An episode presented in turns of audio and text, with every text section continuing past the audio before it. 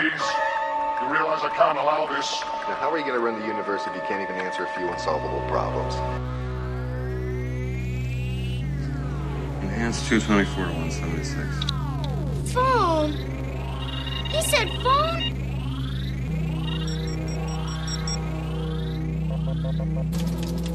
They drew first blood, not me. E.T., E.T., E.T. You were saying about poltergeist? Look, Johnny. Let me come in and get you the hell out of there. Remember the time you used to spend playing chess together? Conan! What is best in life? Velkommen til Lolbua episode 182. Eh, og når vi presser inn nitallet helt naturlig mellom én og åtte, hvilket år blir det da, Lars Rikard? Blir år 2010. ja, det er en matematisk eh, Fikk tre i matte, tre i matte. ja, Hvor mye blir det til sammen? Tre i matte og tre i matte blir ti. Fer- Det er dårligste intro på lenge. Vi, året er 1982. Eh, episoden er 182. Jon Cato heter. Jeg har med meg min gode venn Lars. Eh, og vi har en gjest som vi skal introdusere snart. Vi har ikke med Magnus, for han har inntatt en teknikerrolle i dag. Eh, der han bare har satt opp alt for oss og, og styrt på. Og nå skal alt gå på skinner, så vi krysser fingrene for det. Det blir gøy. Vi, planen vår er jo å baksnakke han, fordi vi vet Magnus kommer ikke til å klare å la være å høre på det vi styrer på med. Så det er altså Lolbua 182, Magnus spesial i dag. Nei da. Vi, eh, vi skal snakke litt om hva som har skjedd siden sist, eh, men vi må vel introdusere vår gjest først. Eh, velkommen skal du være, Tor Steinar Tangedal. Takk skal du ha. Takk for å bli Du er, invitert. eh, jo, det, Det var faen meg på tide. ja, det, det er for så vidt enig i. 182 episoder uten å ha med Vi har jo hatt med andre fra, fra Gamer, tror jeg. Ja, satt i baksetet på tur til, til Klekken, husker jeg. Godt. Ja, faktisk, du var med på den podkasten, fordi vi tok jo opp lyd i bilen der. Å ja, det har jeg aldri hørt etterpå.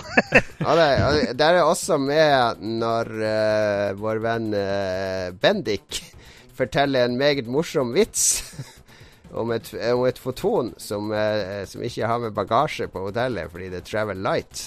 Der, eh, der din latter er meget dominerende på akkurat det opptaket. Der også, ja. Det ble, ble en kongepodkast der. Må finne, skal sendes til deg. Det var bra. Ja, ja En eh, Klekken spesial, altså.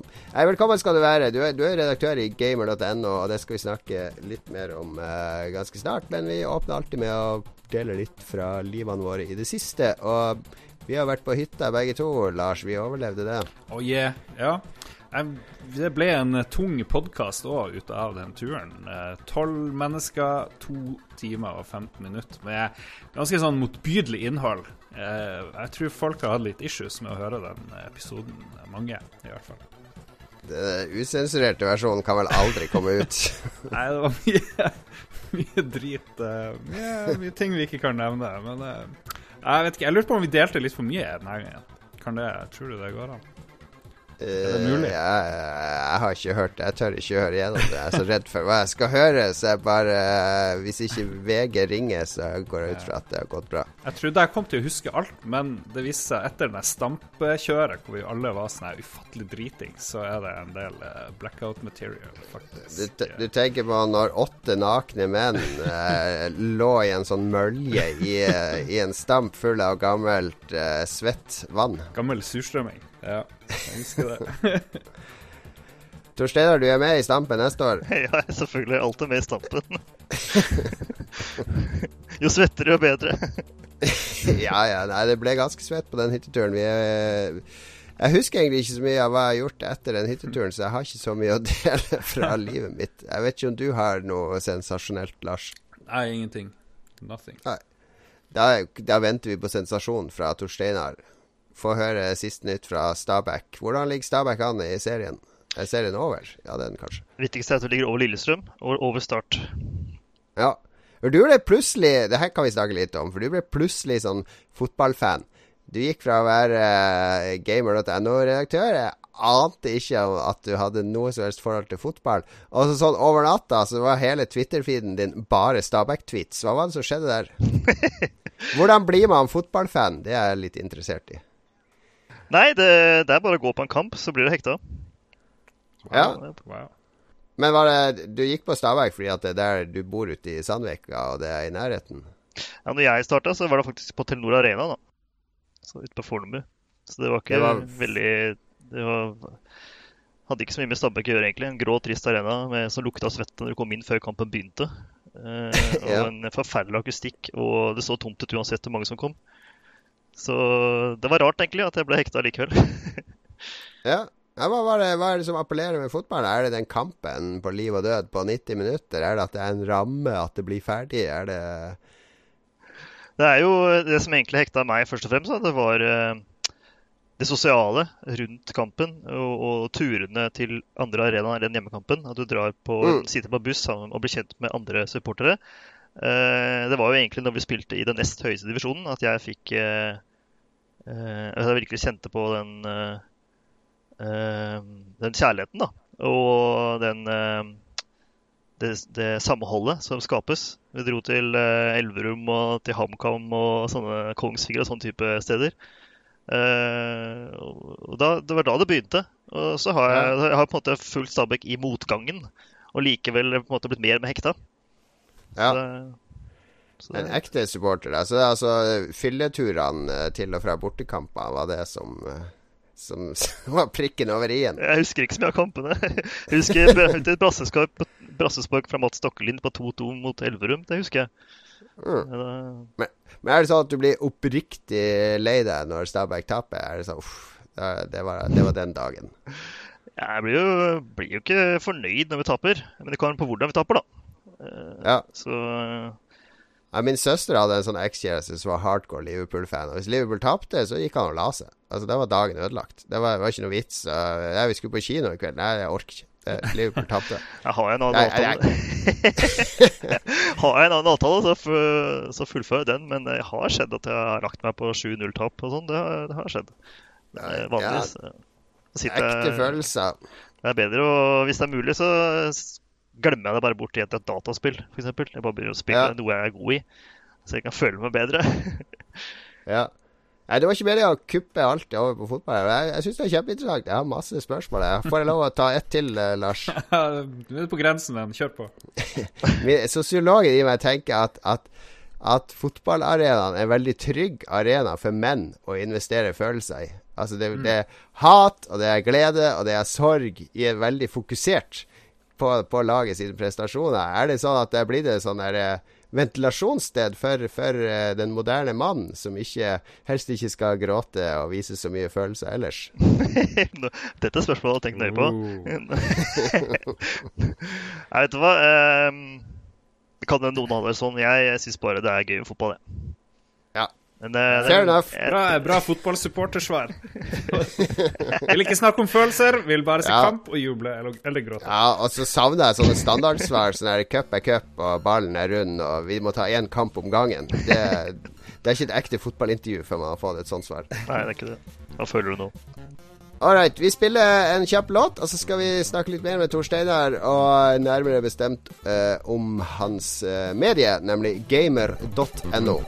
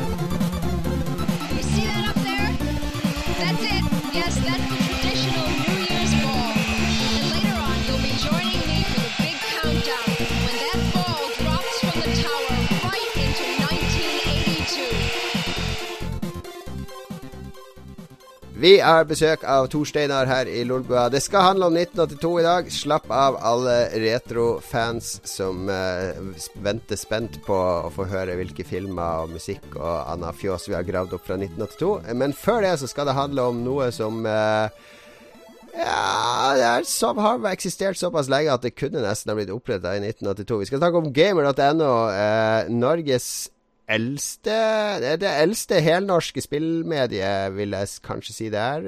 Er, det, er du enig i det, Torsteinar? Ja, når du sier helnorsk, så ja. Yes.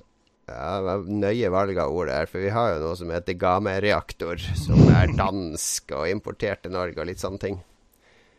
Men du, du det her Gamer.no er 100% norsk. Det ble starta og oppretta av deg i 2002. 2001, ja. 2001, ja. Og det skulle være en nettside om spill, altså som et spillmagasin, bare på nett. For nettmedia var jo ganske nye og ferske på denne tida. Yes.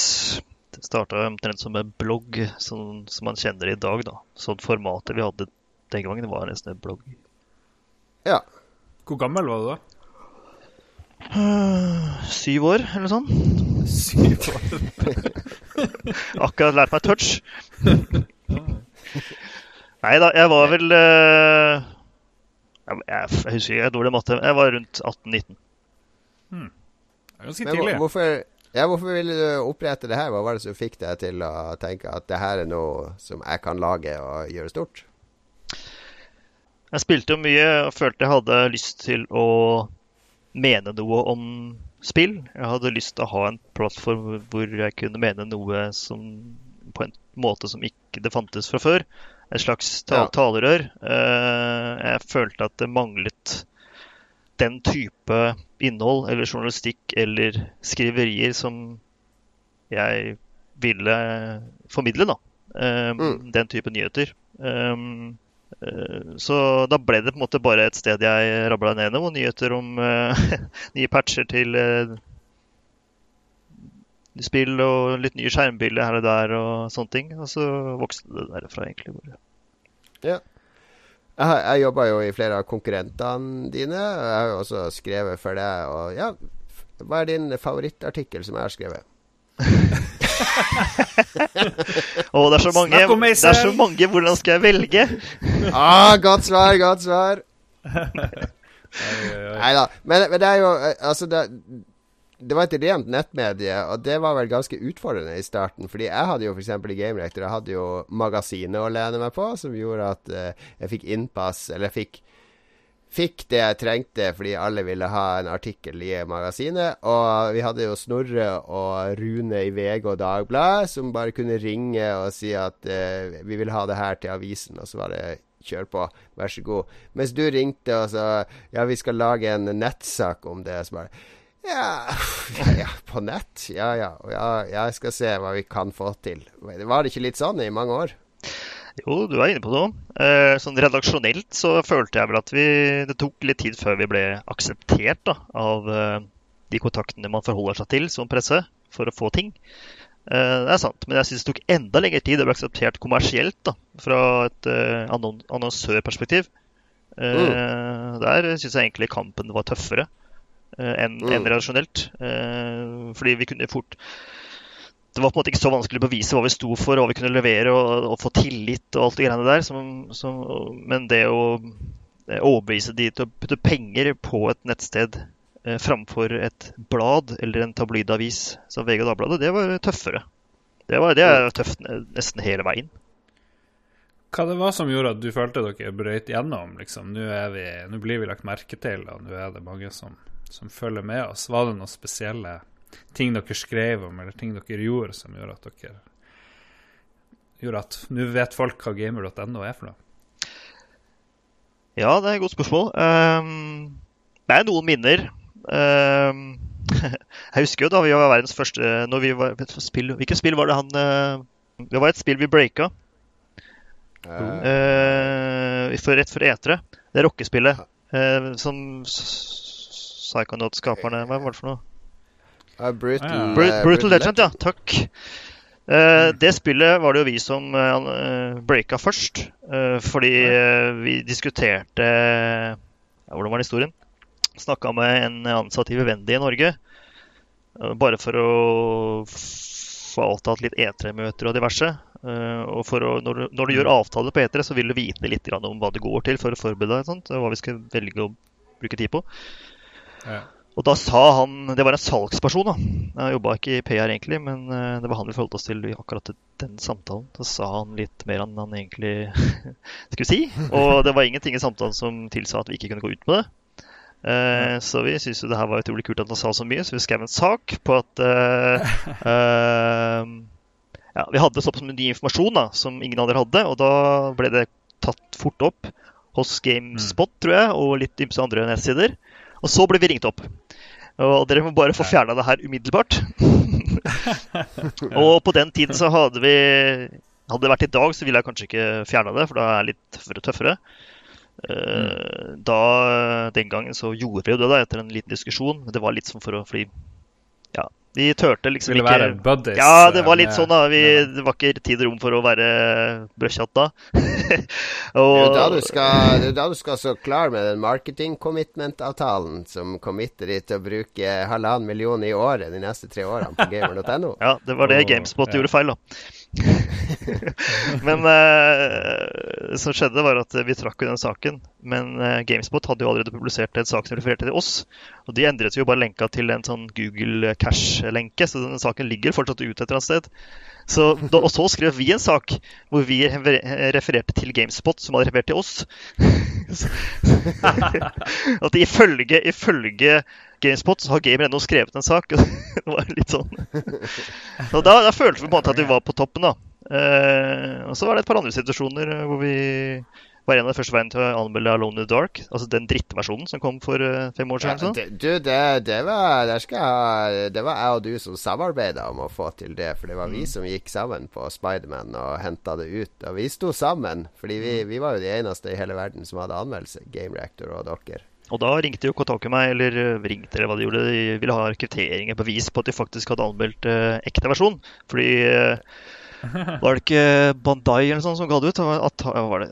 Jeg var Namco Jeg var Atari Namco Bandai, eller hva det het for noe. De var i jo- hvert fall hysteriske. Nei, de var på oss og ville ha oss til å trekke anmeldelsen, for vi kunne ikke anmelde piratkopier. Eh, og vi skulle oppgi kilde for hvor vi hadde skaffa spill og sånne ting. Det var ikke aktuelt. Og, Jeg sendte det jo bare bilder av plata og sånn. Ja da, men vi, da, akkurat da ikke sant, da hadde vi kommet lenger. Da skulle vi være litt tøffe i trynet. Så, da, Ja. så det var gøy. Det er sånne ting, sånne ting husker man. ikke sant? Da føler man på en måte at man har eh, gjort en innsats. Mm. Absolutt. Nei. Hva som gjør at uh, du fortsatt uh, holder på med Gamer.no og ikke liksom gitt fra deg tømmene til noen uh, som ikke begynte da de var 18 og for 16 år siden? Det er ganske lenge. Ja, jeg kan jo ikke noe annet, da. Det er det. det, det, er, er noe med Som jeg har sagt til flere, det er litt sånn klisjé, men eh, det, det øyeblikket jeg føler at jeg ikke har noe mer å gi, eller at jeg har noe mer å tilføre, eller ikke brenner for det her, så skal jeg slutte. Jeg Mm. føler liksom at jeg har driven ennå. Har uh... Og dette med e-sport har jo også blitt en ganske viktig ny vitamininnsprøyting for min del. Eh, Det er noe helt annet, helt, å, en helt annen måte å jobbe på. Så det er også en viktig grunn til at jeg fortsatt er her. da.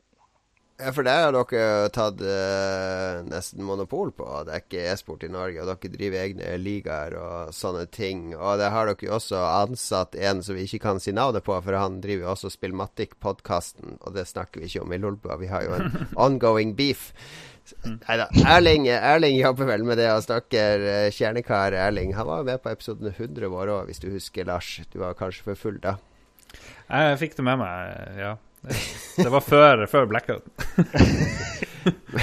Men uh, ja, og det har dere gjort stort. Og, eh, og det var vel også en litt sånn nødvendig satsing for å, for å få økonomien til å gå rundt. Fordi det, det, var jo, det er jo mye penger i e-sport. Ja, eh, det er dessverre ikke så mye penger i e-sport i Norge, men vi har jo noen ambisjoner. Eh, Og det er klart, vi visste jo ikke Jeg skal også innrømme at når vi starta med e-sport, fra helt fra spede starten i 2008-2009, så var ikke jeg så Skjønte ikke helt hva som var greia. og Var ikke noe fascinert av det i det hele tatt, egentlig. Men det var andre som var drivkreften bak det der. Så kom jeg på en måte sakte, men sikkert eh, inn i det og skjønte eh, hvorfor det her var kult. Og etter hvert så skjønte jeg også at det her er, kan være en ny inntektskilde. da. Eh, og jeg er nå jævlig glad for at noen andre i gamer forsto at det her er noe vi bør satse på. For hadde vi ikke gjort det da, så hadde vi ikke hatt posisjonen vi har i dag. Og da hadde vi kanskje ikke eksistert heller. I hvert fall ikke på den måten vi gjør i dag. Det er jo ikke Jeg har jo sagt flere ganger at det er e-sporten i dag som er den største inntektskilden vår. Med stor margin. Og det har jo ført til at dere eh, nå står ved nok et veiskille. For nå nylig så la dere vel ut en slags eh, Det er jo ikke en Patrion, men det er jo et sånn Patrion-modell at dere ber om eh, månedlige bidrag fra brukerne for å holde det redaksjonelle i gang. Stemmer det. Eh, Jeg kaller det for støttemedlemskap. Gamersupport. Så da gikk vi ut med Vi har jo vurdert en stund, men eh, det er noe med å Det er noe med å gjøre det riktige, føle at man eh, eh, det på en riktig måte og på riktig timing, kanskje. Og det er litt man holder på helt til man føler at man er nødt til å ta det steget, da. Eh, Mm. Er det sånn at eh, vi har jo kjent på at vi ikke har mulighet til å være like kreative og like overraske like mye som før. Vi må tenke hele tiden på hva som gir umiddelbare klikk, istedenfor å tenke hva som er faktisk god sak for noen få. og sånne type ting. Det er mange som har savnet en type innhold vi hadde mer av før. Hva du tenker på da, sånn mer konkret? Er dybdesaker, kommentarartikler, stoff som er unikt, som du ikke eh, Som er skapt fra bunad, da. eh, Ja. På norsk. Eh, Du har jo skrevet en del av den type saker selv om Katja, hos oss og hos andre. Mm. eh, gjennom det vi da kalte for Tech Extra. Det forsvant. Ja, det, er- det, er, det er jo ikke sånn at en sak om eh, hvordan X-pilot ble til, Lars, eh, genererer 100 000 klikk, som du gjerne må ha for å få annonsevisningen. Så, så jeg skjønner jo logikken. Det her er jo litt, eh, Nå forsvant jo Tikk Ekstra med salget til VG, så vi skal ikke gå inn på det. men eh, Så da måtte vi legge ned den greia. Og det er andre grunner til at dette er litt komplekst. Men eh, det som også er viktig å få fram, er at eh, eh, hele, hele opplegget rundt bannersalg, bannerannonser, har jo kollapsa omtrent. Eh, Mm. Når vi har La oss si vi har eh, 700 000 visninger på Gamer per uke, så er det faktisk bare en tredjedel av de vi kan selge annonser på. Fordi resten er det ingen som ser pga. adblock. Eh, og det blir en sånn eh, Når vi i tillegg eh, mister eh, merverdien og trafikken fra tech gjennom å selge på tvers av to IT-aktige nettsteder, så, så, så mister du ufattelig store inntektspotensialer. Og da, det har ført oss dit vi er i dag. Men, men, Jeg hater, jeg hater adblock. Det skulle ikke vært lov eh, i det hele tatt. Jeg er sikker på at de som bruker det, ikke aner hvor mye de skader. eh, Hvor mange arbeidsplasser de skader. Greit nok, eh, det er jo selvfølgelig en del annonsører og nettsteder sin skyld at de gjorde annonser ganske plagsomme, men det, fin- det finnes jo ikke pop-up-annonser i dag, heldigvis. Det klarte man jo å få bort. Så det som eksisterer i dag, det er liksom ikke noen stor grunn til å fjerne det. spør du meg. Lars, Lars, du er alltid på kino 20 minutter før forestillinga for 'Jeg skal se alle reklamene, passe på at annonsørene får full valuta for pengene, og jeg skal tweete om tre av de'. Jeg går jo ikke opp på, opp på lerretet og dekker til skjermen, liksom. eh, aktivt, i hvert fall. Men det som er, at det er, det er jo mange eh, Vi har jo ikke nødvendigvis Kanskje ikke er rett mann til å si det, men jeg føler ikke at vi har veldig mye sjenerende reklamer. Vi har jo unngått sånne pop-up-reklamer. Eh, du må ikke forbi en annonse for å lese en artikkel, noe du må på et annet enn norsk nettsted som vi ikke trenger å nevne navn på her. Du nevnte i stad. Du må ikke forbi en svær koloss av reklame for å lese en artikkel. Og det har gjort at vi har takket nei til litt penger òg. For å bevare leseropplevelsen og integriteten. Og så er det sånn at Folk kommer fra YouTube, hvor jeg, hvor jeg selv syns det er for påtrengende. Og folk kommer fra VGTV, hvor det er 20 sekunders reklame for å se en 10 sekunders film. Og da tenker ikke folk på at de kan skru det av hos oss før vi forteller dem at hei, du har, nå sliter vi. Ja. Nei, jeg ser problemet. Jeg bruker ikke adblock sjøl. Du er jo han i Lolbua som bruker adblock, ikke her, så vi må, vi må Vi får ikke noe tilsvar nå. Se om han kommer inn nå. Hysj. Kommer han? Er han der? Nei. OK, så eh, Det er et paradoks, vi har jo diskutert det litt igjen, Jan Cato, at eh, de norske spillutviklerne vil jo gjerne at vi skal skrive om spillene deres. mm. Men jeg har fortsatt til gode å se at de bruker en eneste krone på å annonsere hos oss. Uh, godt poeng. Meget godt poeng. Så vi skal finansiere Men, vi må- ja. mm. Men vi må, vi må peise på videre. Vi bruker halve tida vår på Ja. fantastisk gamer Vi kan jo spørre til slutt hva er, hvordan er fremtida til spillnettstedene og spilljournalistikken i Norge? Er det, hva er det vi blir å se uten å røpe de store forretningshemmelighetene deres? Er det helt konkret, så er det vanskelig å svare. Men jeg tenker at som, det gjelder også, også, man må på en måte hele tiden omstille seg. Eh, om fremtiden er videoinnhold, det er jeg ikke helt sikker på heller. Jeg, eh, jeg vet ikke hva jeg skal si. Det er, eh, Er, uh, du kan svare på et konkret spørsmål. Er internett kommet for å bli? Nei. Jeg vil anbefale å putte inn bilulykke i alle saker dere har, for det går veldig bra hos oss. Uh, og ting med Sofie Elise. To gulltips fra Harstad. Harstad-Tine pluss gamer.no. Der har du fusjonen sin. Vi hører på litt musikk, og så blir det 1982!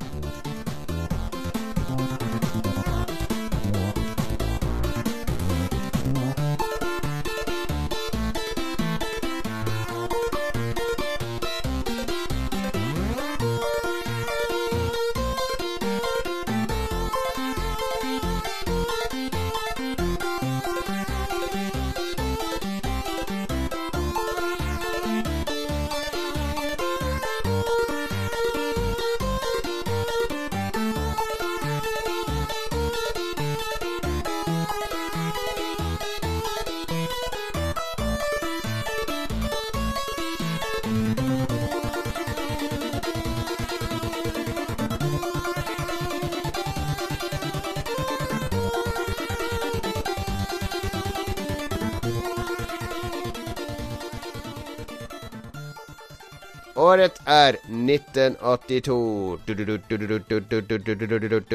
Det er krig. Argentina har inntatt Falklandsøyene. Eh, Storbritannia kommer til for å jage de ut igjen.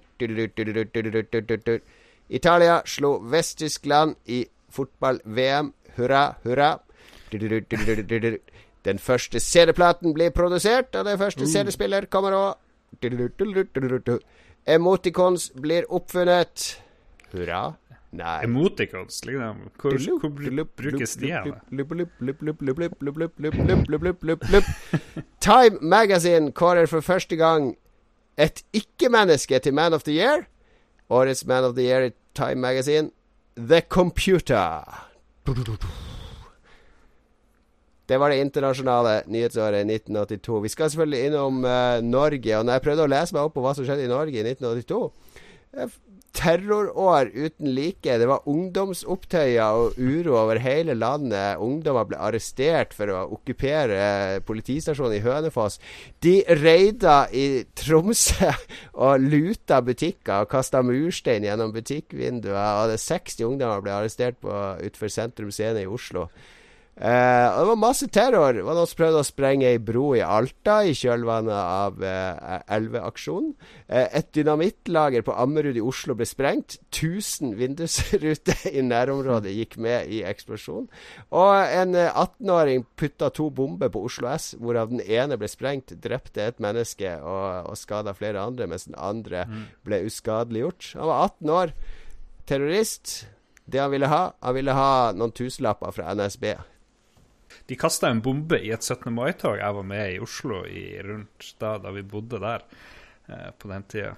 Så det, jeg husker ikke det, men eh, det var crazy times. Jeg, jeg føler terrorisme var sånn der, Det var sånn 80-tallsterrorisme. Sånn der bombe var liksom sånn Donald Duck-bombe. Sånne runde, svarte kuler med sånn der lunte i. Altså, det, folk tok det ikke seriøst. Ja, hvis det ble tatt, så hadde du sånn uh, kjetting med en bombe rundt foten, da.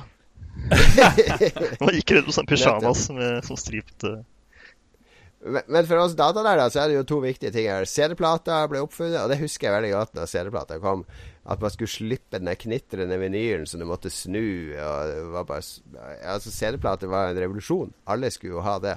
Glinsende og fin. Og, og at The Computer ble Man of the Year. Nå skjønte man at eh, dataalderen var i gang. Du lagde CD-platen første gang i 1982? Ja, jeg tror Akersmik ble starta året etter og begynte med import av CD-plater og salg av Det det var Akersmik sin grunnoppretting var å importere og selge CD-plater. det var sikkert en månedslønn for å kjøpe en CD den gangen, da. Ja, det var, var jo dyrt, og de importerte CD-spillerne var sikkert kjempedyre. Men det som var med de første CD-platene, var at de var så dårlig trygt, så de ble jo ødelagt etter en 15 års tid. Det visste man jo ikke da, men uh, nå er det litt mer solid. Fantes laserdisk i hvert fall i 1982, husker jeg leste. Så ja, det, det, det kom på 70-tallet. Crazy times. Kom det før CD-plata? Det er jo galskap. Jeg skjønner ingenting. Ja, mens laserdisk er vel uh, analog uh, Jeg husker ikke. Det er, det er noen forskjell i teknologien der. Mystisk, mystisk. Vi har forresten en bra laserdisk-annonse-reklame i uh, Hyttepodkasten, til alle som ikke har hørt den. Blade Runner fra, på indonesisk uh, fremfører jeg og Mats uh, i fylla. Det hadde jeg helt glemt. Det, rett før vi gikk i stampen. Å, oh, herregud. Sigurd Jansen, de dirigent, heeft al enkele malen de prijs van Radio Nordring gehaald.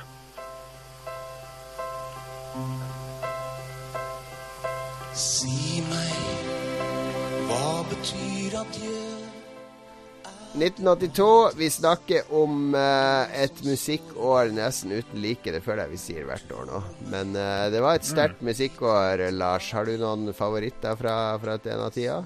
Um, har vi sjekka noe norsk? Ja, det har vi. Jahn Teigen og Nitz Gorgan. 'Adjø'.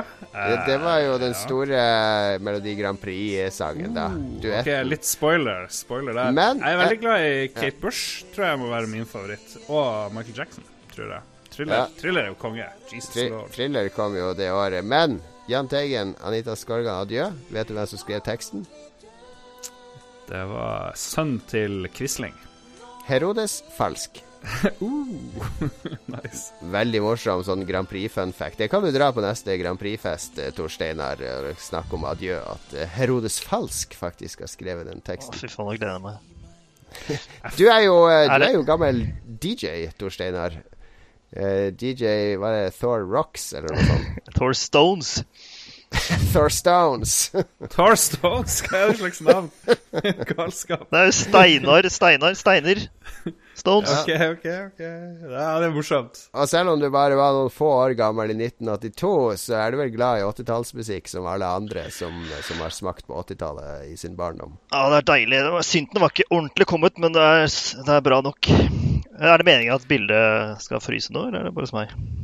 Bare sånn Det er, Så lenge vi hører det, så driter vi i Ja, det er streamer sikkert skjermspareren til Magnus. Ja. Ok. Nei, 80-tallsmusikk, det er dødsdigg. Det, er, eh, det hører jeg på mye, faktisk. Ja.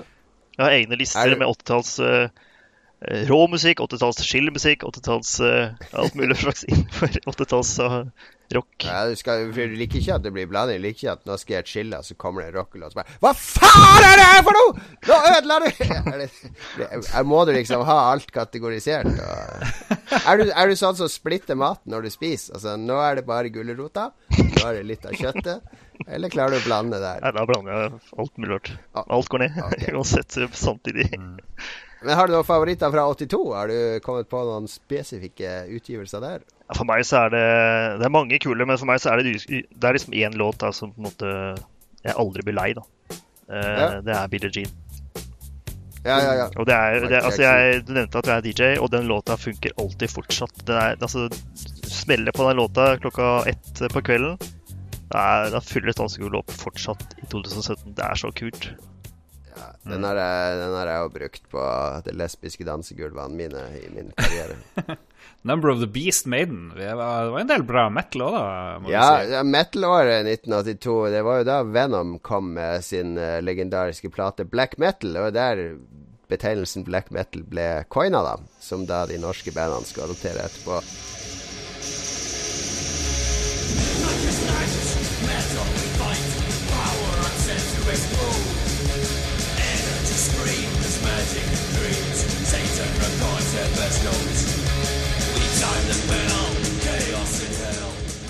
Manowar debuterte jo i 1982.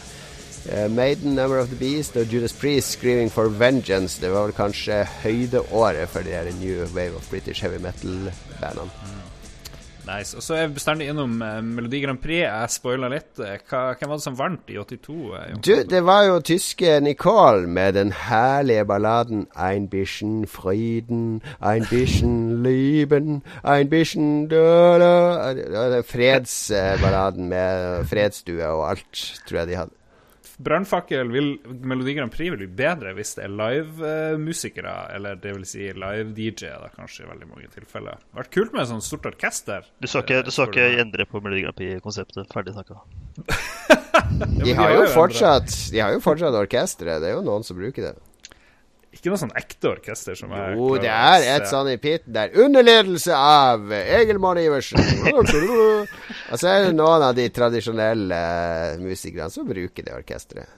Ja, i 82, ja, men ikke i 2017, liksom. Du har hørt den her før, Jon Cato. Har en daddy joke på Billie Jean. Ja. Dere, nå avslørte jeg faen meg svaret. Det var ikke meningen. Hva, hva ville Hva ville Michael Jackson kalt uh, klesbutikken sin i Norge? Åh, Billy Jeans, Billy, Billy Jeans. Yes. Der fikk jeg får klippe Jeg måtte bort, bare. Jeg eh, måtte bare. bort svaret ditt? ja, det er bra. Bare klipp bort uh, le, den starten. Så går jeg rett på vitser. Jeg er så dårlig på vitser at det går ikke an. Klarer ikke å fortelle dem engang. Let him who hath understanding reckon the number of the beast, for it is a human. Its number is 666. Og nå handler det om TV-året 1982. Det er kanskje det vanskeligste å ta for seg, for vi hadde jo bare én kanal i 1982, og det var NRK. Eh, så når vi driver og googler TV-programmer som oppsto i 82, så eh, får vi jo når de kom tre år før de kom på NRK osv. Men det, spiller ikke så stor rolle. Hva var det norske som var stort i 82, Lars? Det største er jo det vi kalte labbetuss, som egentlig het 345, av en eller annen Mm. grunn. Jeg kan ikke huske at det het 345.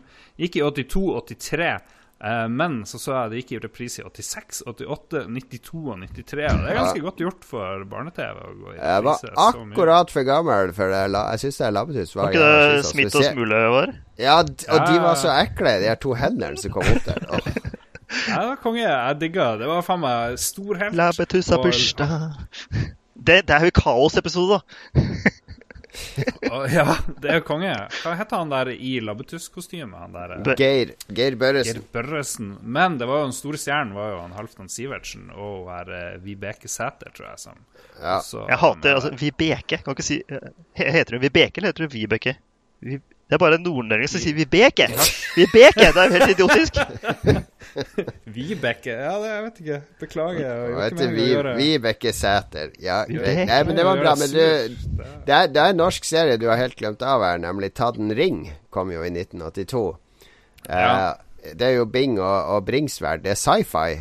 Og det er jo Det er en sånn prequel til, eh, til din favorittforfatter, uh, nemlig Dan Brown.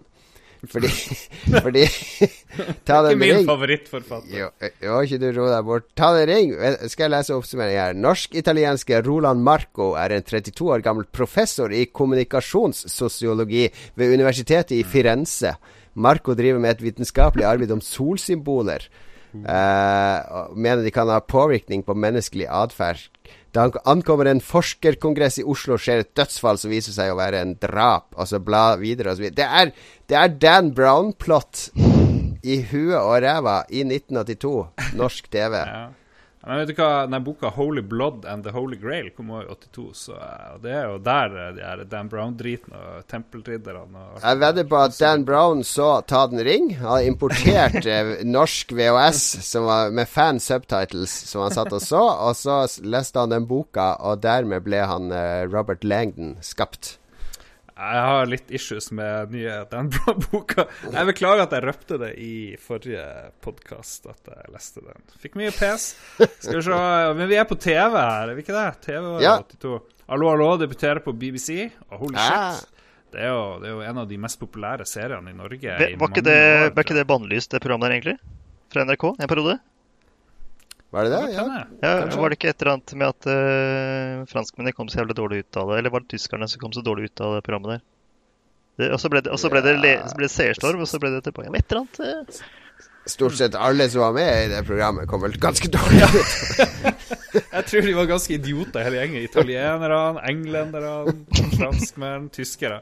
Så eh, Det eneste største problemet var at de tyskerne var ganske hyggelige. De nazistene var ganske hyggelige. Hallo, hallo. Så det, det, det, er jo- Ja, det er spesielt eh, de gamle obersten og de der, de var jo litt sånn hyggelige drankere som bare var litt sånn Mm. koselige. Og herr flikk Flick prøvde å være skummel, og ja, OK. Nok Ja. hallo, hallo. Ja, Kjapt. Uh, Late Night med David Letterman har premiere. Første gjest er Bill Murray. Det er litt kult. I swear, Letterman. If it's the last thing I'm going to do, I'm going to make every second of your life, from this moment on, a living hell. For what you've done. No, no, no. Go ahead and talk to them. They're all singing your song tonight, Dave. Go ahead. Go ahead. I'll never make it home tonight. I'll tell you what. I'll never make it home. I'm just waiting for the other shoe to fall on you, man, and I want to be there when it hits the floor. You know what I'm saying? There you go. I'm going to do nothing about you, even though I could. You know, it's interesting. I had a chance to strangle Richard Nixon, and I didn't, and I regret it. And here I am, inches from. I don't know what's keeping me from doing it. So now that you're well known, is it harder to be funny? Og så er det en sånn episode du sikkert vet mer enn meg om, eh, Jon Cato. Ja, det var jo det året også at eh, Andy Kaufman og Jerry Lawler hadde sin store beef, eh, der de s- smelte til hverandre på uh, David Letterman. Noe som har blitt gjenskapt av uh, Jim Carrey i filmen Man on the Moon. Mm. Skulle komme sånn her dokumentar om det, Man on the Moon og Jim Carrey. Så. Ja, La oss spare det til neste episode, så kan Magnus prate et kvarter om det. Ja. Police Squad har premiere. John Belushi dør. Uh, Satellite Channel, som blir Sky et par år senere, starter opp. Sky Channel. Uh, det var jo det alle vi som ikke hadde Sky Channel, eh, hadde skåret av oss høyre armen gladelig for uh, å få. Hadde dere Sky Channel, eh, Nei, vi, hadde, vi fikk Super Channel etter hvert, men Sky var mye vanskeligere å få inn. Det var på sånn egen satellitt. Ja, ok. To Steinar, hva, hva dere hadde? Var, du- var, du, var du et parabolbarn? Uh, nei. Uh, vi var heldige. Fikk uh, noen kabelgreier. Uh, og det var jo Det var Sky, ja. Det var det derre Vi så mye på Jeg elska jo Gadgetmannen. Sånn heter det. Inspector Gadget. Det var jo Ja, det, det, det gikk jo på denne Sky en eller annen Yes. Go, go, gadget. Så det var jo fett. Det, da var det mye. Det var da jeg fikk mine første opplevelser av barne-TV. Sånn ordentlig, ordentlig tegneserie, da. Or ordentlig- ordentlig barne-TV. Ikke- altså, det, det var noe annet enn labbetuss, liksom. Null, null pedagogikk, bare moro. Ja. Det var det det pedagogikken som gjorde at NRK var så latterlig. da. Ikke den gang, men nå. ikke sant? Det var jo forsøket på Det var treigt som faen. Ja, jeg husker jo lekestue. Jeg er jo eldre enn dere. ikke sant? Og på 70-tallet, der lekestue, så var det sånn Og nå skal vi se hvordan de fanger fisk. Og så var det sånn der fem minutter med sånn silletråler eh, sildetråler opp på sildefabrikken, og hvordan den ble sløya og partert og lagt i Det var ikke barne-TV. jeg så barnet Jeg så litt av det der lekstue. lekestue. Det var kult. Ja. Nå er det, nå er det dødt her. Vi, er, bare- vi er tom. Men det jeg lurte på, det var Tenk hvor populære de som hadde eh, satellitt eh, eller sånne paraboler til det var. Fy fader, jeg husker bare det å fære til dem. Liksom sitter faren der og jeg, jeg har nå sånn motor på, på dishen oppe på taket. Og bare brrr, Kan dra og se på tyrkisk TV. Bare what?! Det er jo helt sykt! Er? Paradis! Jeg vil aldri dra derfra. Å, så flink bisk. Gi labb. Nei, andre labben, labbetuss. Nei, ikke den baklabben. Den Nei, ikke den. Den labben. Den labben som vi skal hilse med. God dag, god dag, labbetuss. Gratulerer med dagen. Bokåret 1982, det kan vi hoppe kjapt eh, over, egentlig.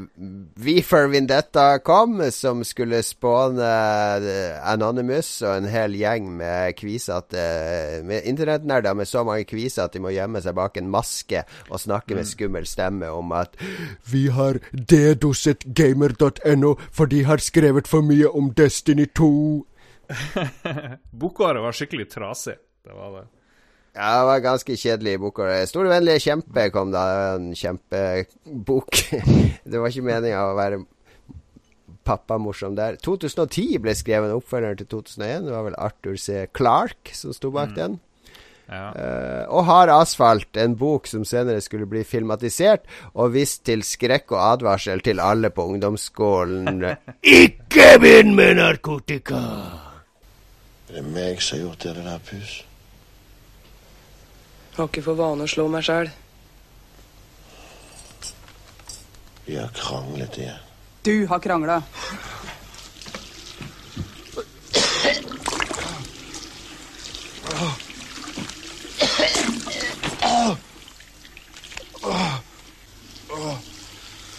Helvete. Ida, du veit du ikke må bråke med meg når jeg har bluss på lampen. OK. Vi kan hoppe over til filmåret. Skal vi gjøre det? Ja, for det var et stort år, som alltid. Ja, det er, alle de her 80-tallsårene er jo bra. Så det, du kan liksom nevne 20-30 filmer for deg, så man må jo bare ta noen sånne her eh, kjappe sveip. Jeg vet ikke, Hva er favoritten din der, eh, John? Eh, min er jo uh, den norske filmen Altakraft, som du ikke har tatt. Jeg så den. Nei, det var ikke den. Uh, skal vi se, vi har jo ET. Den har jo Torsteinar kjøpt inn for anledninga, faktisk. Han viste den jo fram her. Den i sted. Ah, shit. Nice. Er det der de bytter om pistoler med Walkman? Er det den versjonen du har, tror du? Antagelig. Ja. Du vet det, Torsteinar, at eh, de, i den opprinnelige versjonen så løper FBI-agentene rundt med pistoler. Og så ga de den ut på nytt 25 år etter, og da hadde de brukt CGI til å gjøre de om til walkietalkier. Er det sant? Bullshit. Ja, det er faktisk sant. Nå, jeg skjønner ikke hva de tenker på der borte i Hollywood av og til, men den Ja. Jeg, jeg vil si på en liste her ET så jeg på kino i 82. Jeg husker ikke om den kom til Norge i 82, kanskje 83, men eh, jeg tror jeg var ti Jeg var elleve år da den kom, og det er jo en av de filmene som var mest skjellsettende å se på kino som elleveåring. Og jeg drømte jo i flere år om at det skulle komme en alien ned i bakhagen min og bo i skapet mitt. Ja. Jeg, så, jeg så ikke den filmen for kjempeseinere, men den hadde sånn vill eh, reach, sånn populærkulturell bølge. Så jeg hadde sånn her lydbok med noe sånn her Mm. etedrit og bok og alt mulig rart. Masse etegreier uten å liksom vite nesten at det var en film engang. Jeg hadde masse gjeteting. Og jeg var jo også han Elliot var jo Jeg hadde jo sånn boycrush boy crush på han da, uten at jeg skjønte hva det var seksualitet eller noe sånn lå bak. Men du, noen ganger så har du sånn der eh, Når du er ung, sånne stjerner uavhengig av kjønn som du bare eh, vil være eller vil være sammen med. På, det blir en sånn blanding. Du vet ikke helt sjøl. Du blir bare helt betatt. Ditt første møte med pedofili. Jeg var jo elleve år sjøl da, mann. beklager, beklager. Jeg tuller, jeg tuller. Eh, Rambo Eh. First Blood, Jesus Christ, det var jo det, liksom, det var ikke aktuelt at jeg skulle se det, men liksom, jeg var i målgruppa da Rambo 2 eh, var liksom Eller ja, Rambo 2 var på plass. Jeg hadde jo Rambo-plakat. og Liksom, hvor stor de Rambo-tingene var, det var bare faen meg helt sykt, egentlig. De kuleste, de kuleste på ungdomsskolen hadde jo Rambokniv. Det var jo det, det tøffeste du kunne skaffe deg på sydenferie, var en ekte Rambo-kniv.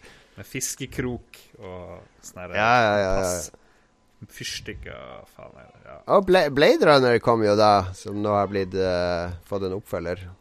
Ja. La oss bare glemme Blade Runner. Uh, Det er jo en den eh, filmen. Jeg så dere allerede hadde skrevet det i postene på Facebook, eller hvor som helst, men det, det filmen The Thing Det er jo, Ja. det er jo på en av nesten den eneste filmen jeg husket uh, Det som er litt morsomt med The Thing, da, det er at jeg så jo ikke den filmen før um, lenge, lenge, lenge etterpå. Eh, Og jeg tror du også var på den presse... Du vet når den første The Thing-spillet kom? Mm. Det er det eneste The Thing-spillet. Ja, da fikk vi vel DVD-en eller noe sånt. Ja, og da Det fant jeg ikke igjen, men den, det var jo i forbindelse med ECTS i eh, London. Og da Ja. skulle de liksom annonsere eller ha en pressevisning knyttet til det spillet. Vivendi, altså. Eh, da skulle John Carpenter selv komme og snakke før vi fikk se filmen. Eh, og men han kom aldri. Det var kjempeskuffende. Men da så jeg filmen første gang. Det var sånn, sikkert sånn 2007 eller noe sånt. Eh, og jeg syntes den var dritkul. Jeg har aldri, aldri sett før. og, og, når, ja, og når dere Altså, jeg har sett den flere ganger etterpå, da. Men uh, når dere nå nevnte den filmen i Facebook-posten, så fikk jeg lyst til å høre på soundtracket, da. Og det går jo fort. det, er jo, det er jo liksom to låter eller noe sånt. For det er, jo, det er jo ganske kult at de det lager så mye spenning ut av så lite lyd i filmen. Det er jævlig bra øh, opplegg. Det er jo Carpenter òg som lagde soundtrack i filmene sine. Han er veldig fin syntmusiker. Veldig sparsom og enkle, men, men effektive. Men var det sånn når du så det første gang i kinosalen der, og så i starten, så kommer det en hund løpende sånn at, 'Det er ikke en bikkje! Det er en ting!' Er, altså, da, da, da kom den stolte nordmannen fram, så du skubba til sida. 'That's Norwegian. He's actually saying that it's not a dog, but a thing'. det, ble du stolt som nordmann da? Når, alle nordmenn blir jo stolt når det er noe norsk i en storfilm. Ja, eller jeg husker også en av X-Files hadde norske, norske folk i starten. En, en Oh, intro. Jeg husker episoden ved den norske fiskebåten. Fiskebåten? Mm. Ja, jeg husker det. er akkurat det samme skjedde da. det er viktig å skryte av det. Ja, man. nei, The Thing er nok en av de beste filmene der. Altså, Trond kom òg det året. Den dataspill datateknologifilmen. Skjellsettende. Den er jo definert mye estetiske ting eh, Mm. i mange år etterpå. Det er mye som ligner på Trond den dag i dag. Det det. Absolutt. Også da skrekkfilmen som uh, Jeg så ikke den det året, men noen år etter, som jeg syns var uhyre skummel. Jeg var veldig opptatt av spøkelser og sånn i starten av tenårene. Og Poltergeist var jo en av de skumleste filmene med hun jenta som forsvant i TV-en. Og det som var morsomt på 80-tallet med Poltergeist, var at det var så mye mytologi rundt den filmen med at eh, Visste du at alle skuespillerne døde to år etter? Og hun, hun jenta har blitt blind. Ja, ja, ja. Hun ble blind og så på TV. Og Jeg det husker var at hun sånn- døde. Du har hørt at hun ble blind? Ja, ja. Ja, det, det var masse sånne rykter. Hun er jo ikke død eller blind, men det er jo Er hun ikke død? Nei, jeg tror, jeg tror ikke hun er det. Det var jævlig bra, for det var mye vanskelig å finne ut av hva som var sant og ikke. Ja, for det var ikke noe internett. Det var, det var ikke noe måte å sjekke folk. det på. Ja, det kosta, det kosta jo 100 kroner å ha 10 minutter samtale for å finne ut om det var sant. Hello, can I can you set me over to Mr. Spielberg, please? I need to know if the cast is alive. Men det er jo en kul ting òg med Poltergeist. Det var jo produsert av Steven Spielberg, men regissert av en annen fyr. Men visstnok så var han så elendig, han der regissøren, så egentlig så er hele driten egentlig regissert av Steven Spielberg. Og det er ganske lett å tro når du ser den, for det er faen meg superkvalitet på filminga og alt det som skjer der. Det er en veldig Spielbergs film med denne kjernefamilien med bikkje, som eh, alle Spielbergske kjernefamilier har. Ja. Idealhjemmet mitt er egentlig eh, Poltergeist-huset før det blir fucka opp av Helt enig. helt enig Den scenen med mora og faren som røyker marihuana i senga, og ungene er i seng, og det er kaos som er på soverommet. Alt det er 80-talls eh, familieliv.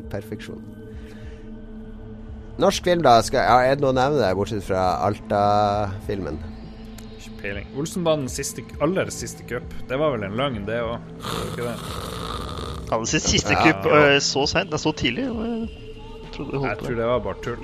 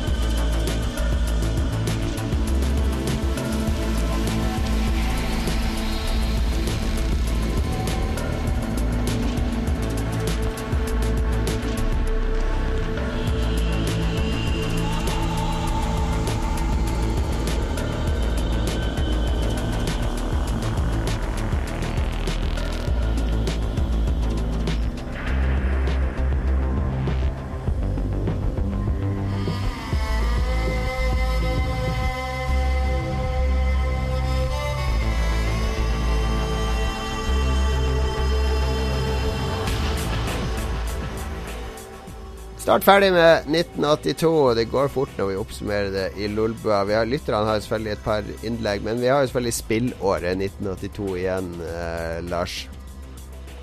Eh, 82 er jo et magisk år på mange måter. Det er liksom Det er både oppturer, ekstreme oppturer og ekstreme nedturer. For det første så er vel 82 liksom året der hvor spillindustrien nesten holdt på å dø. Å gå og avlide med, med, med døden. Det var da eh, f.eks. Pacman ble trykt opp i sånne her 10 millioner, 12 millioner eksemplarer og bare klarte å selge halvparten.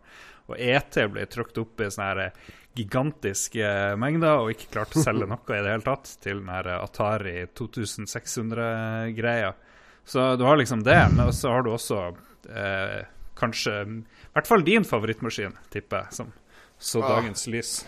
Commodore 64 kom i 1982. Ja, verdens mest populære hjemmedatamaskin gjennom tidene, sies det. Ja, men det er faen meg Det er helt magisk. Nå driver jeg jo og har lyst på PC kun fordi jeg har lyst til å laste ned masse SID-musikk, og så remikse de til stereo og legge på litt sånne filter og sånne ting. Det beste grunn til å kjøpe PC er å emulere musikk fra 1982. Det er en helt legitim eh, grunn. Var du noe Commodore 64-mannen, Torsteinar? Nei, jeg eh, var ikke det. Jeg, eh, jeg fikk jo først muligheten til å spille hjemme når jeg fikk Nintendo 8-bitsen. da, Så jeg, litt, jeg dro rundt til venner for å få spilt. Så jeg hadde ikke noen Mm. favoritter sånn sett. da. Jeg spilte jo det folk hadde. Så Mm. jeg kan ikke skryte på meg. Jeg, har ikke noe... jeg er jo litt dårlig på den perioden før, jeg fikk, Ja. før jeg fikk Nintendo, det må jeg innrømme. Jeg, jeg fikk vel ikke Commodoren før i 1983-84, tror jeg. Og det var jo definerende for meg. Men, men 82 er også et spennende år. Det er mye spillting som skjedde der. For vi snakka jo om i 80-81 at det var, var litt sånn her stille før stormen, men nå begynner det virkelig å skje. Det er masse selskaper som dukka opp i 82 som, uh, som fortsatt eksisterer. Electronic Arts ble starta i 82, f.eks. Uh, og de, de var jo veldig sånn artistisk når de starta. De skulle lage litt mer sånn høyverdige spill, ikke bare disse bruk-og-kast-spillene til Atari. Som er litt morsomt. Også Lamasoft ble starta i 1982. De holder på fortsatt. Jeff Minter sitter med sin partner i Wales og lager psykedeliske VR-opplevelser. Det vel det siste han ga ut.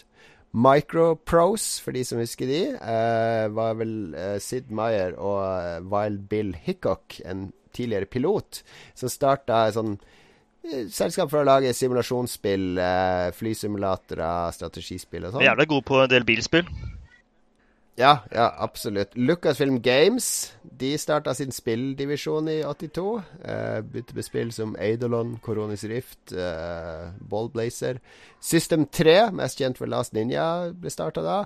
Ultimate Play the Game, kanskje en av de viktigste. De, de ble jo til Rare. Altså det er basically Rare. Uh, de skifta navn til Rare etter hvert. Lagde masse sånne isometriske uh, eventyrspill på, på Spektrum og eller, Amstrad og Commodore 64, var det vel.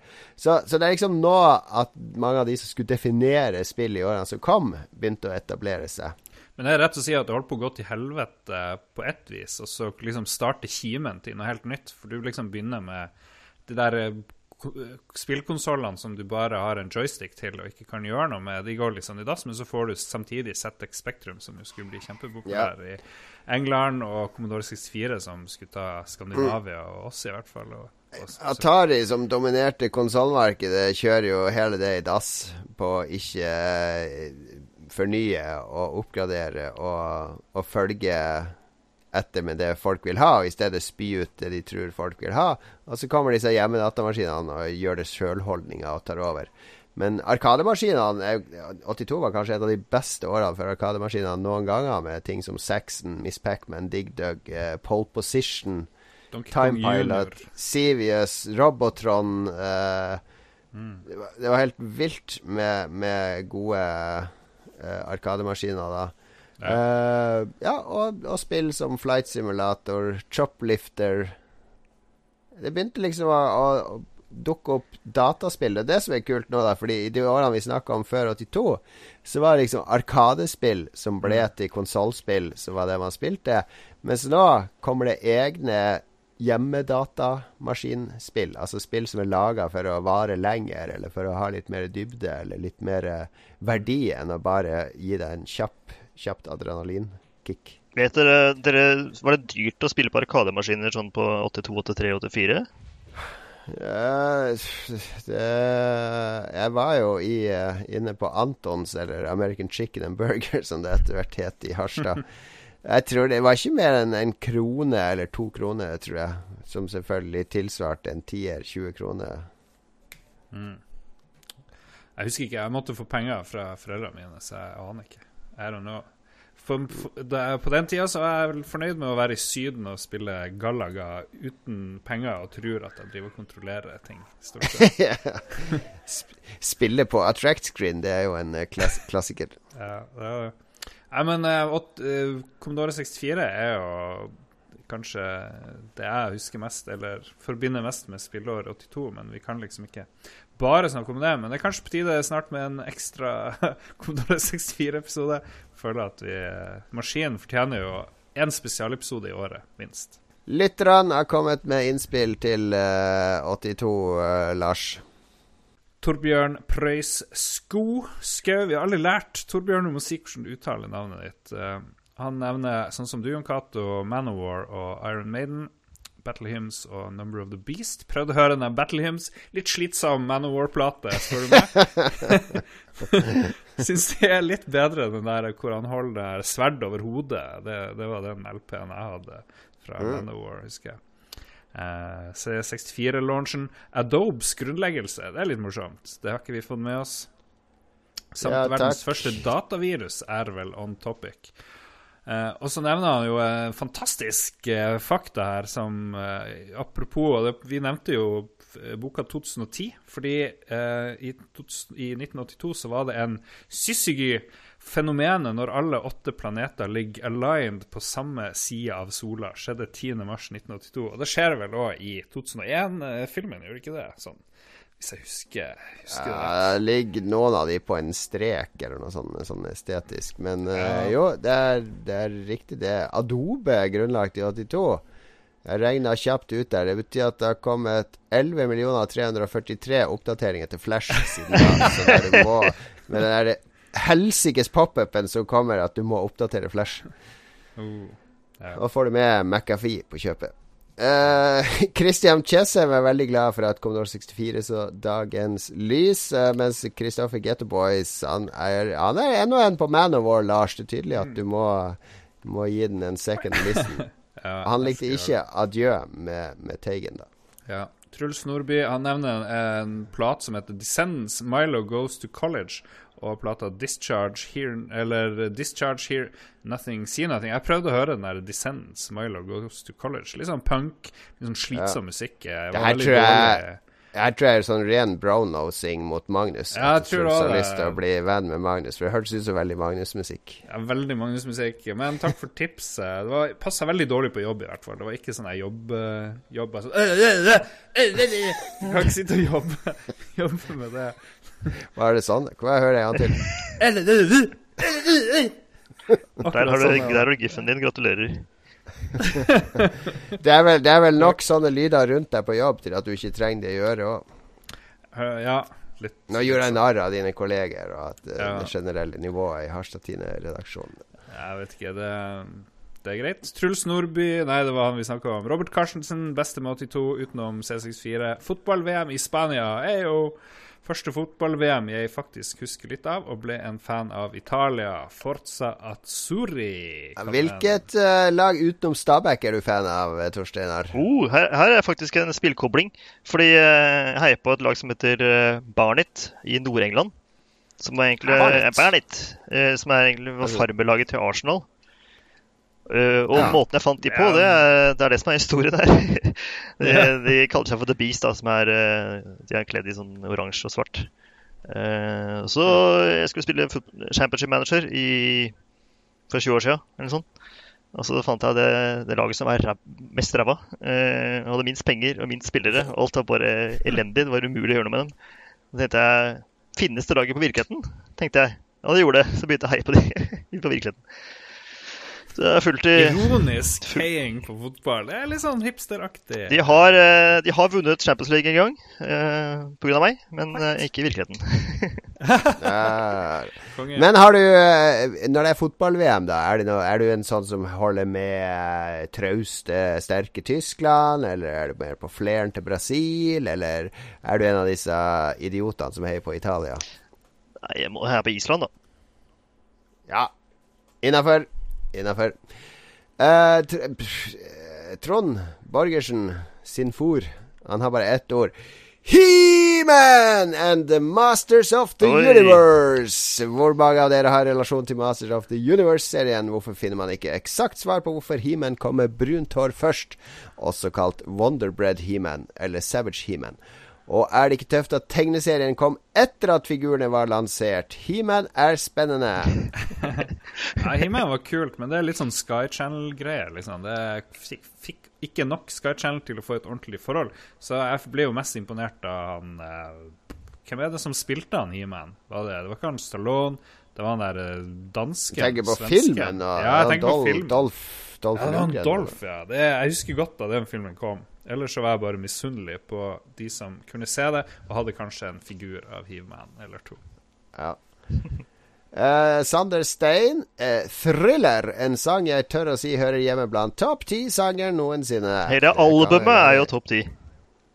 Ja, ja, ja. Hva er, er be hva er best av Billie Jean og sangen 'Thriller', da? Jeg syns uh, ungene liker thriller best, fordi, eh, fordi for det første er jo videoen veldig kul, med alle zombiene som danser. Det er veldig gøy for ungene. Og så er Jeg liker jo veldig godt at Vincent Price, den gamle mm. kultfilm-horrormannen, kommer inn på slutten med 'Creatures crawling in the dark'. Og så den latteren på slutten. Det er jo det er klassisk. Det er klassisk. Det er fet låt. Er det stuereint å like Michael Jackson, forresten? Fremdeles? Eller Ja, etter han daua, så ble det vel mer stuereint enn noen gang. Da var plutselig, var plutselig alle fan, men før han daua, så var det sånn Ja, hva er for- forskjellen på en Rema-pose og Michael Jackson? Ja, den ene Begge er farlige for barn, og hva, hva? Nei, Ja, vet du hva, det der eh, jeg, jeg har alltid klart å skille på person og musikere. Ja. Kunstneren og mennesket Hitler var jo to forskjellige ting. Nå, nå, ikke si at du dro koblinger mellom Hitler og Michael Jackson. Og, det er aldri, aldri en episode uten Hitler-referanse her. må vi har brukt vi har, ja, ja. Jeg liker at du ble sjokkert. Var... Ja, I den nøye, i den nøye pre-briefen så hadde vi Jeg var nervøs for mye rart, at det skulle være live og litt sånne ting. Men jeg glemte å nevne at det alltid blir tatt opp Hitler. Beklager det. Beklager. Vi går til uh, Håkon Puntervold. Eh, I 1982 slapp Metallica ut albumet No, no Life Till Leather, og der fan, finner vi Seek and Destroy, som uh, han jo lagde en cover, norsk coverversjon, eller han miksa min vræling inn. Ja, konge. Hvis jeg, jeg kanskje endelig klarer å huske å ta den med, for det, den fortjener å bli hørt. Sjekker ut scena i byen i kveld. Ser etter deg for å gi deg en smell. En ond følelse surrer i hjernen. Det er ikke noe nytt, du vet den gjør oss gæren. Løper, vi er på vei hjemme. Du kommer til å daue. Tusen døder. Løper, vi er på vei hjemme. Du kommer til å daue.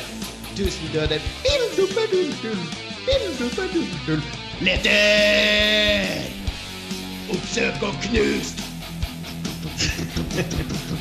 Letter! Oppsøk og knust! Han nevner også ET på Atari 2600, Kubert, Donkey Kong Junior, Burger Time, Joust og et lass med andre spill. Kubert er litt morsomt å nevne, fordi det, jeg tror det ble faktisk programmert lagd av eh, av en dame, som, som ikke var helt vanlig på den tida. Sist ut, Lars Bjarte. Bjarte. Judas Priest, bla, bla, bla. Mye Judas Priest-vennlig. Screaming for Vengeance. Eh, forventer The Helion, Electric Eye, Riding on the Wind eller tittelsporet i en musikkpause på den ferdig redigerte podkasten. Det tror jeg kanskje vi skal fikse.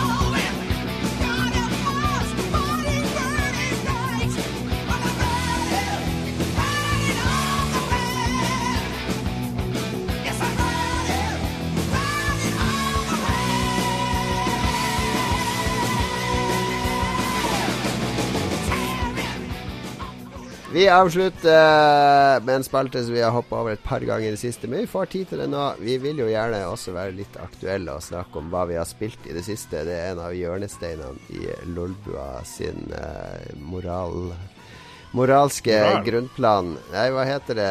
Et eh, mission statement. Oi, mission statement. Kill Ja, at- all at vi the white vi skal- people og spill spill.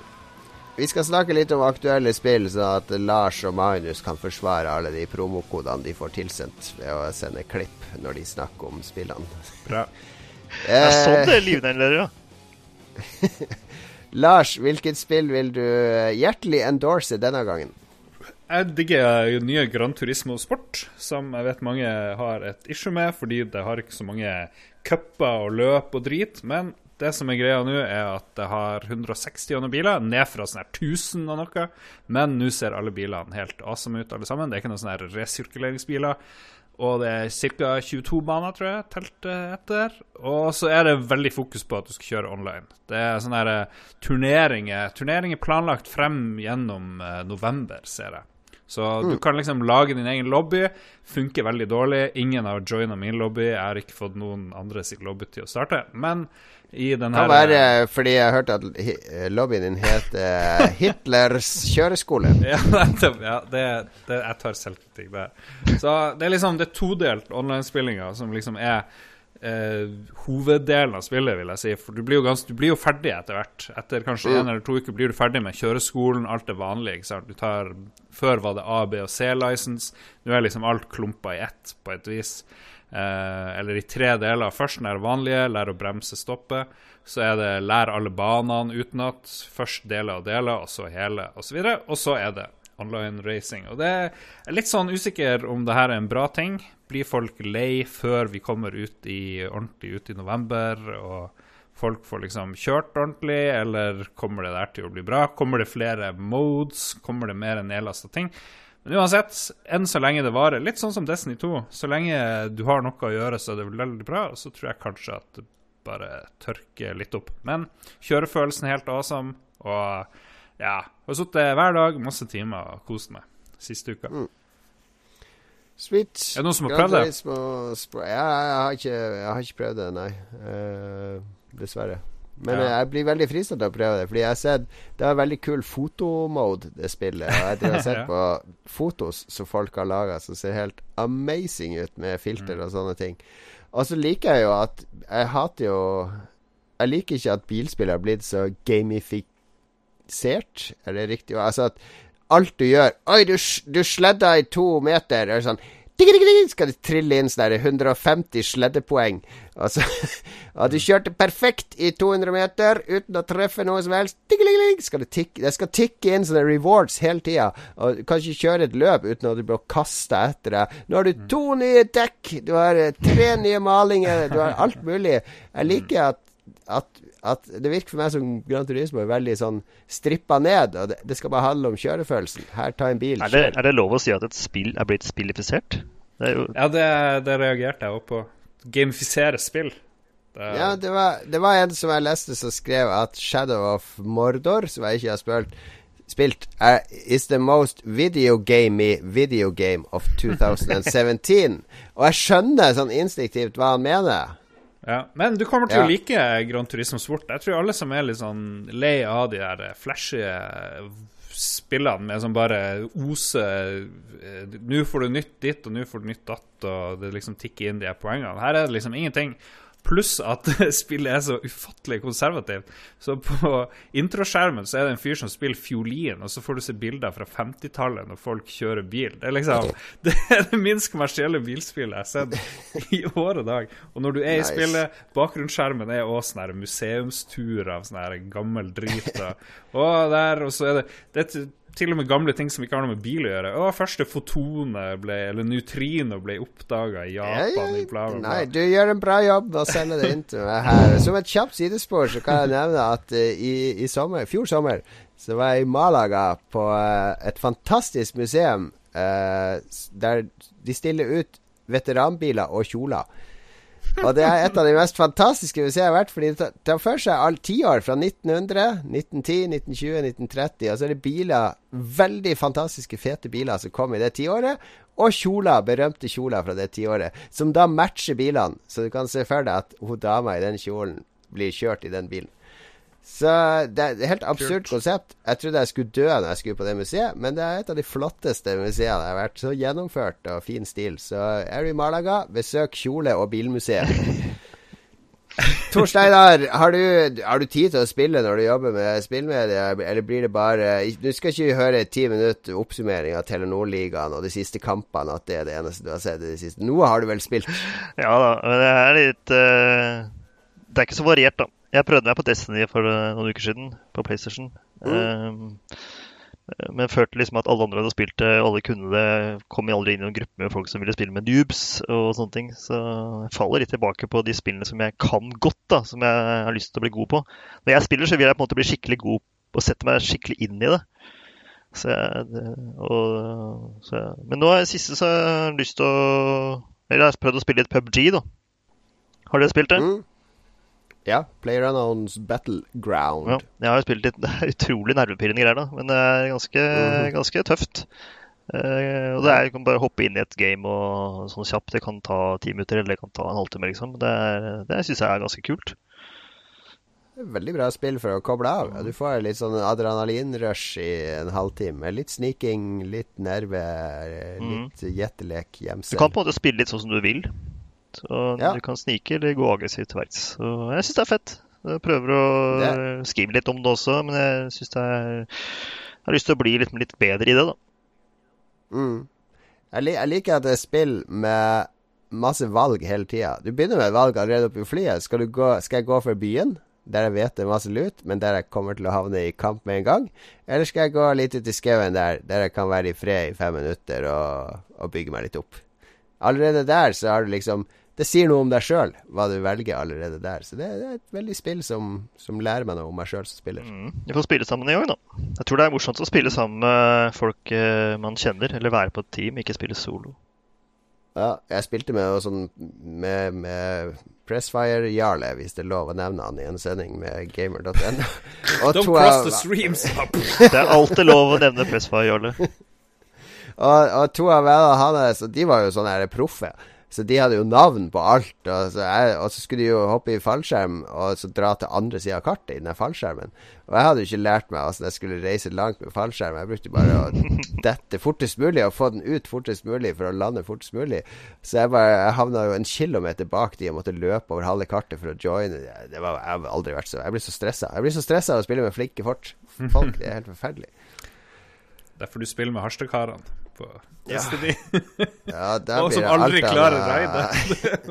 La oss ikke Ja, kan, jeg kan godt snakke om det, hva jeg spilte det siste. Fordi forrige helg eh, Det er veldig mye å gjøre på jobb nå, og det er eh, SpillExpo snart, der jeg arrangerer Indie-stand. Og er tusen ting som skjer på en gang nå. Så når, forrige helg Nå skal jeg koble skikkelig av. Og jeg har jo spilt ganske mye Destiny 2, men vi har ikke klart å raide ennå. Og da endelig Harstad-gjengen skulle samles for å Nå skulle vi klare Gauntlet, som er en av de tre delene i raidet, der Fire stykk skal holde vakt, og to skal løpe i en sånn her ring gjennom hinder. Og det må kommuniseres, og folk må være litt på vakt. Og vi holdt på ni timer. Jeg kastet bort tre timer på fredagskvelden, tre timer på lørdagskvelden og to timer på søndagskvelden før vi klarte det.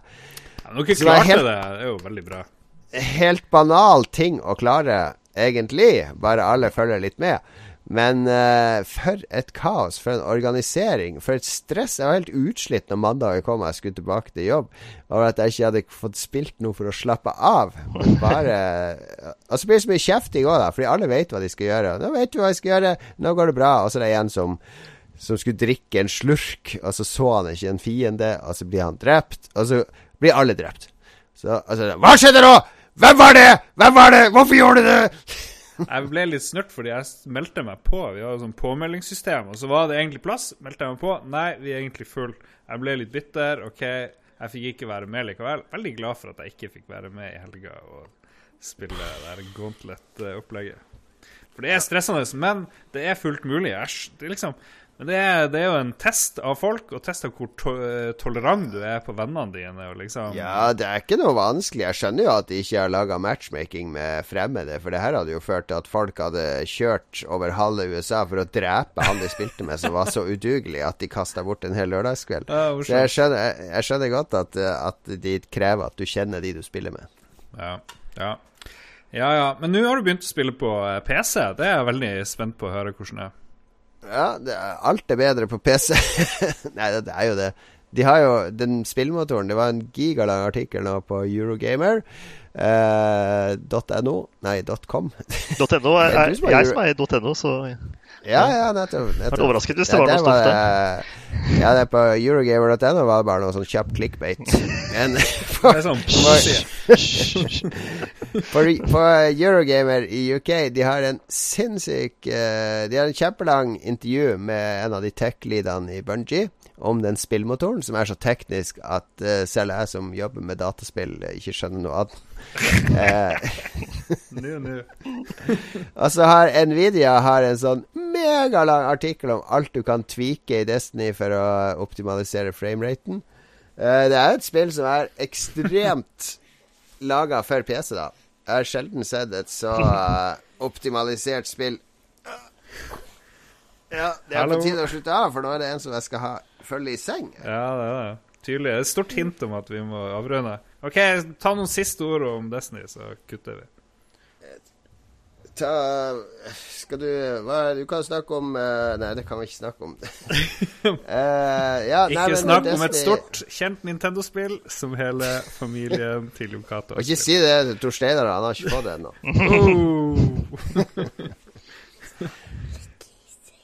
du må snakke høyt. Skal ikke i seng. Skal du ikke i seng? Nei, ikke skal, nå. Hva skal du gjøre da? Mamma sa at jeg skulle kunne være oppe. det sa hun ikke. Jo, det sa hun. Nei. Jo, derfor Ja, hvis du slutter å le, så kan du få være oppe. Jo, slutt å le, da. ja, det er bra. Det er en ny, ny spalte. Ny spalte. OK. Destiny PC, veldig, veldig lovende. Jeg tror blaserte PC-spillere kommer til å skyte det ned veldig fort. Uh, det har jo sine mangler på slutten, det har jeg jo klaga over før når vi har spilt. Men uh, jeg liker det veldig godt. Det er superoptimalisert, super tight. Og det føles vel litt annerledes enn konsollversjonen. Så Yes. Snakker mer om det neste gang. Vi gjør det. vi gjør det Takk for at du var gjest, Torstein. Og lykke til med gamer.no. Jeg håper pengene strømmer inn. Eh, jeg regner med det er derfor du skal ut og drikke nå, for nå renner tusenlappene inn på konto. Så da er det bare rett ned på Lorris og, og skåle. Ja, vi får se. ja, men det er hyggelig å være her. Takk for invitasjonen. Bare hyggelig. Eh, vi snakkes neste uke, Lars. Takk til alle som hører på og ser på osv. Jeg aner ikke hva som skjer med streamen nå, fordi Magnus sitter og anførselstegn jobber. Eh, Følg oss på, på. Facebook. Lolbua. Å, der kom han! Der kom vi hører vår venn. Å, ingen kan høre Magnus. Magnus kommer med noen hemmelige beskjeder til oss. Magnus har hørt på hele tida. Der fikk jeg vår produsent på øret som sier at nå må vi kutte. Så da kutter vi. Takk til alle som eh, er med. Neste år blir det 1983. Eh, du får ikke være med neste år. Ha det bra.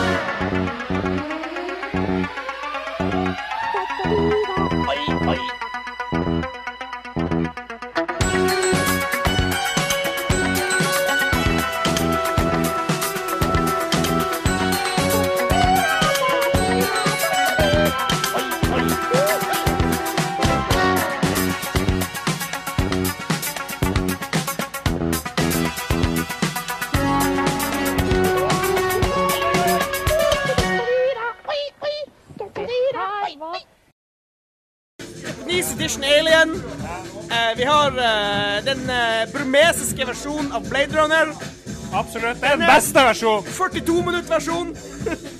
42 minutt versjon av Blade Runner. Kutt ut all driten du egentlig ikke vil ha. Det